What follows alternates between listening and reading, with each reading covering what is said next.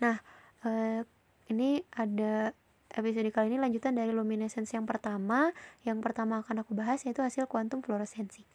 Hasil kuantum fluoresensi adalah ekspresi kuantitatif mengenai efisiensi fluoresensi. Nah, yang mana uh, hasil kuantum fluoresensi ini merupakan pembagi dari pembagian dari uh, tetapan fluoresensi dibagi dengan tetapan-tetapan lain uh, yang melibatkan suatu penurunan uh, tingkat energi dari keadaan tereksitasi tahap-tahap energinya ke keadaan dasar yang tidak memancarkan foton. Jadi ada tetapan eksternal conversion, internal conversion, intersystem crossing, predissociation, dissociation. Nah, itu uh, menjadi penyebut uh, karena tidak uh, proses-proses tetapan ini tidak mengemisikan foton. Nah, efisiensi kuantum itu bergantung pada jenis transisi yang terjadi di penyerapan cahaya di awal. Nanti hasil kuantum itu bisa dipengaruhi banyak ada beberapa ya tiga temperatur, kekentalan pelarut dan pH. Untuk temperatur hasil kuantumnya itu kalau misalnya suhunya tinggi dia lebih rendah karena ketika energi kinetik tinggi suhu tinggi itu kan e, terjadi tumbukan lebih sering ya nah nanti energinya itu bisa dilepas dalam bentuk tumbukan jadi bukan suatu emisi fluoresensi kalau misalnya kekentalan pelarut makin encer kan eh, tumbukan makin efektif ya. Makanya e, dari pengaruh tumbukan ini menyebabkan si hasil kuantumnya jadi lebih rendah. Nah e, untuk pH jadi misalnya nih, kita pakai suatu asam lemah atau basa lemah.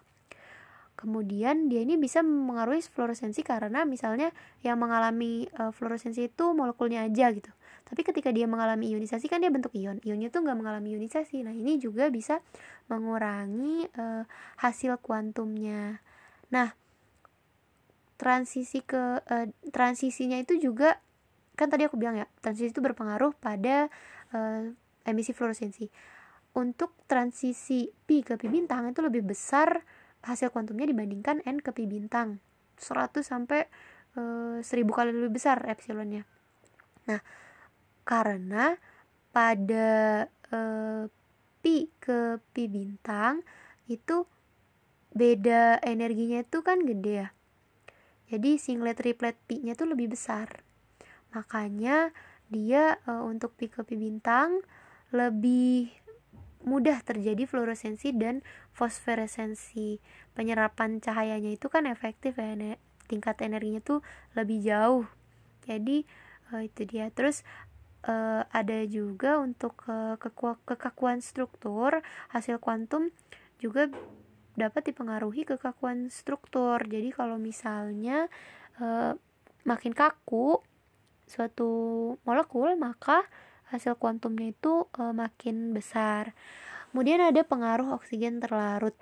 Kalau banyak kan terjadi oksidasi secara fotokimia e, dan karena bersifat paramagnetik dia bisa mempermudah transisi singlet ke triplet.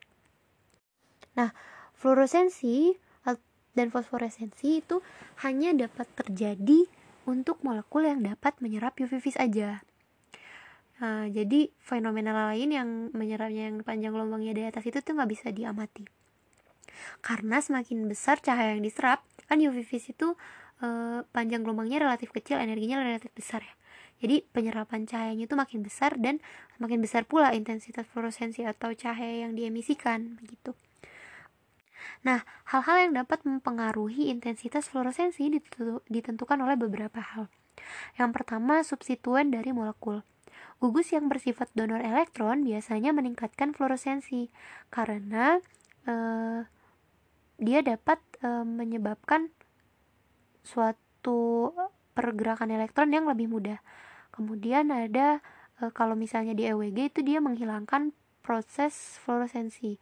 Atom dengan nomor atom besar yang dimasukkan ke dalam sistem elektron pi juga dapat menurunkan uh, fluoresensi karena cenderungan untuk pindah ke keadaan tripletnya itu lebih besar. Yang kedua ada efek konsentrasi. Intensitas fluoresensi itu e, proporsional secara langsung dengan konsentrasi. Yang ketiga ada adsorpsi. Metode fluoresensi itu kan punya e, kepekaan yang sangat besar ya. Karena kepekaannya gede, maka e, e, larutan yang dipakai atau analitnya itu harus e, sangat encer. Kemudian yang keempat, cahaya itu bisa mempengaruhi proses fluoresensi. Jadi, cahaya yang digunakan itu harus dipilih yang sumber sinarnya itu monokromatik karena e, dia mengeksitasi molekul ya e, bergantung pada lambdanya. Kemudian yang kelima oksigen. Oksigen itu bisa mengoksidasi kan. Jadi e, karena dia teroksidasi molekulnya jadi nggak berfluorescence. Akhirnya terjadi pemadaman atau quenching fluorescence. Yang awalnya intensitasnya tinggi terus karena ada oksigen dia jadi lebih rendah atau bahkan ketika terjadi oksidasi hilang emisi fluoresensinya. Kemudian yang keenam ada pH. Kalau pH-nya berubah seperti yang tadi, ya kan tadi udah pengaruh sama hasil kuantum.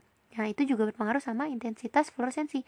Dia itu berubah karena spesifik terionisasi dan tak terionisasinya bisa memberikan uh, spektrum fluoresensi yang beda. Yang ketujuh adalah temperatur kekentalan. Nah, ini juga mempengaruhi intensitas fluoresensi seperti uh, mempengaruhi hasil kuantum ya. Kalau temperaturnya naik, intensitasnya kecil. Kalau misalnya turun ya kekentalannya intensitasnya juga kecil. Selanjutnya, bahasan tentang quenching fluoresensi. Nah, penurunan intensitas fluoresens akibat efek tertentu dari konstituen dalam larutan seperti yang udah aku jelasin sebelumnya, itu eh, ada konsentrasi pH, temperatur, kekentalan dan lain-lain. Itu bisa menyebabkan eh, pemadaman fluoresensi atau quenching fluorescence. Ini ada jenis-jenis eh, pemadaman itu ada self quenching, chemical quenching, static quenching, collision quenching. Yang pertama bakal aku bahas yaitu self quenching dan concentration quenching. Jadi ini tuh bisa dianalogikan dengan absorpsi diri yang bisa terjadi e, di penyerapan UV vis.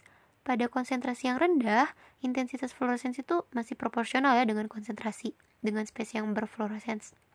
Tapi kalau konsentrasinya tinggi, uh, bentuknya itu nggak linear lagi tapi membelok gitu. Ada uh, self quenching di sana. Maksudnya fluoresensi yang dihasilkan oleh molekul satu diserap oleh molekul lain. Jadinya intensitasnya itu menurun gitu karena cahaya yang diemisikan itu nggak sampai ke detektor tapi malah diserap molekul lain biar molekul itu juga berfluoresens jadi kemudian yang kedua ada chemical quenching.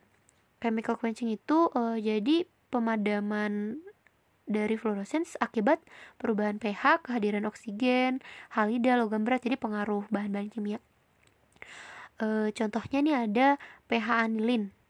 Jadi e, anilin kan pH 5 sampai 13 itu dapat berfluorescence. Tapi kalau dikurang dari 5 atau lebih dari 13 dia tidak bisa berfluorescence. Kemudian kalau halida ini ada klorida, bromida, iodida, EWG. Nah, e, ion-ion ini yang sifatnya penarik dia dapat memadamkan fluorescence. Kemudian untuk logam berat, karena terjadi tumbukan dari keadaan dasar triplet, dia ini memudahkan terjadinya intersystem crossing. Jadi si logam berat ini mempengaruhinya e, ketika mau turun energinya terjadinya intersystem crossing. Kalau misalnya plot antara intensitas fluorescence terhadap konsentrasi analit itu e, men, menyebabkan quenching, maka uh, tidak akan dapat garis yang linear. Kemudian yang ketiga ada static quenching. Dia ini uh, adalah quenching yang terjadi akibat pembentukan senyawa kompleks. Contohnya nih, kafein itu dia menurunkan fluoresensi dari riboflavin karena e, kalau kafein sama riboflavin bertemu dia terbentuk kompleks. Ya. Jadi kita misalnya mau e, mengukur fluoresensi dari riboflavin itu intensitasnya bisa berkurang karena adanya kafein. Kemudian yang keempat ada collisional quenching. Jadi semakin besar tumbukan akan memperbesar quenching seperti yang tadi aku bilang ya dari pengaruh pH dan kekentalan. Karena tumbukan itu kan perlu energi ya. Jadinya energi yang harusnya dilepas sebagai foton untuk fluoresensi terjadi tumbukan efektif energinya dikonversi lagi menjadi tumbukan. Nah, selanjutnya bahasan tentang fluoresens dan struktur kimia ya. Fluoresensi itu kan banyak pada senyawa yang punya gugus fungsi aromatik nih. Jadi, hidrokarbon aromatik yang tidak tersubstitusi sebenarnya itu bisa berfluoresens kalau ada hidrokarbon aromatik yang efisiensi kuantumnya itu besar gitu. jadi intensitas fluoresensi itu kan akan membesar kalau cincinnya itu makin banyak. Jadi derajat kondensasinya itu makin besar. Nah e, contohnya ini ada benzen kan dia nggak berfluoresens. Tapi kalau misalnya digabung jadi dua atau tiga dia bisa berfluoresens nah senyawa heterosiklik sederhana dia nggak berfluoresens ya karena ada elektron yang tidak berpasangan sehingga memungkinkan terjadinya transisi N ke pi bintang singlet. Nah dia e, bisa melewati intersystem crossing ke N ke dari N ke pi bintang triplet. Kalau pindah ke triplet fluorescence itu nggak bisa terjadi. Nah fluorescence itu kan terjadi saat elektron pindah dari singlet tereksitasi pertama ke keadaan singlet dasar.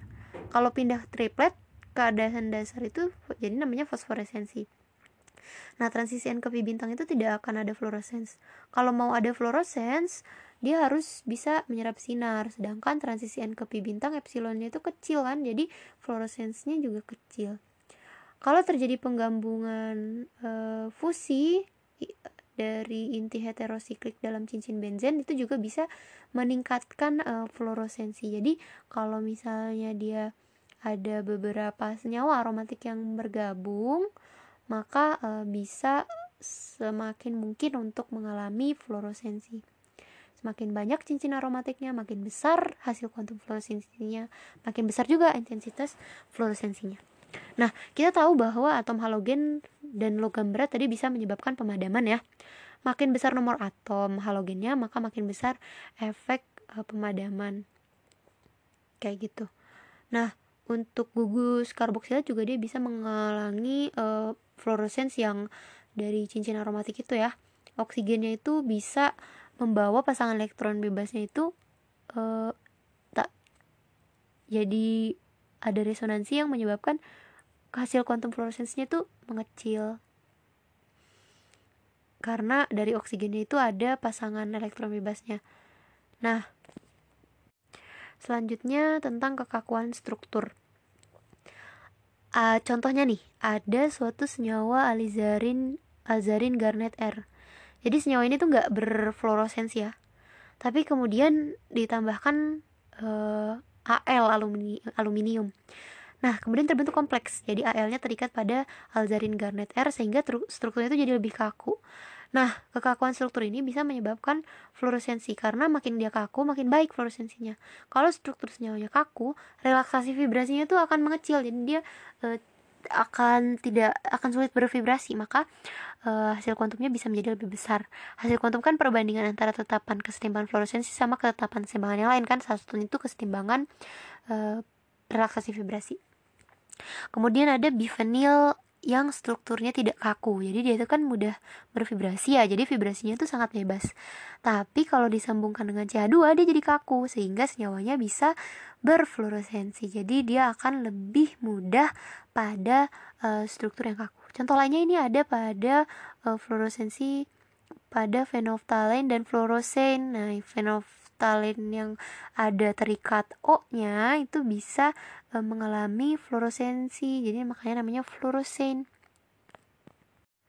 nah e, kita lanjut lagi ke part 3 untuk membahas komponen utama peralatan e, fluorometer atau spektrofluorometer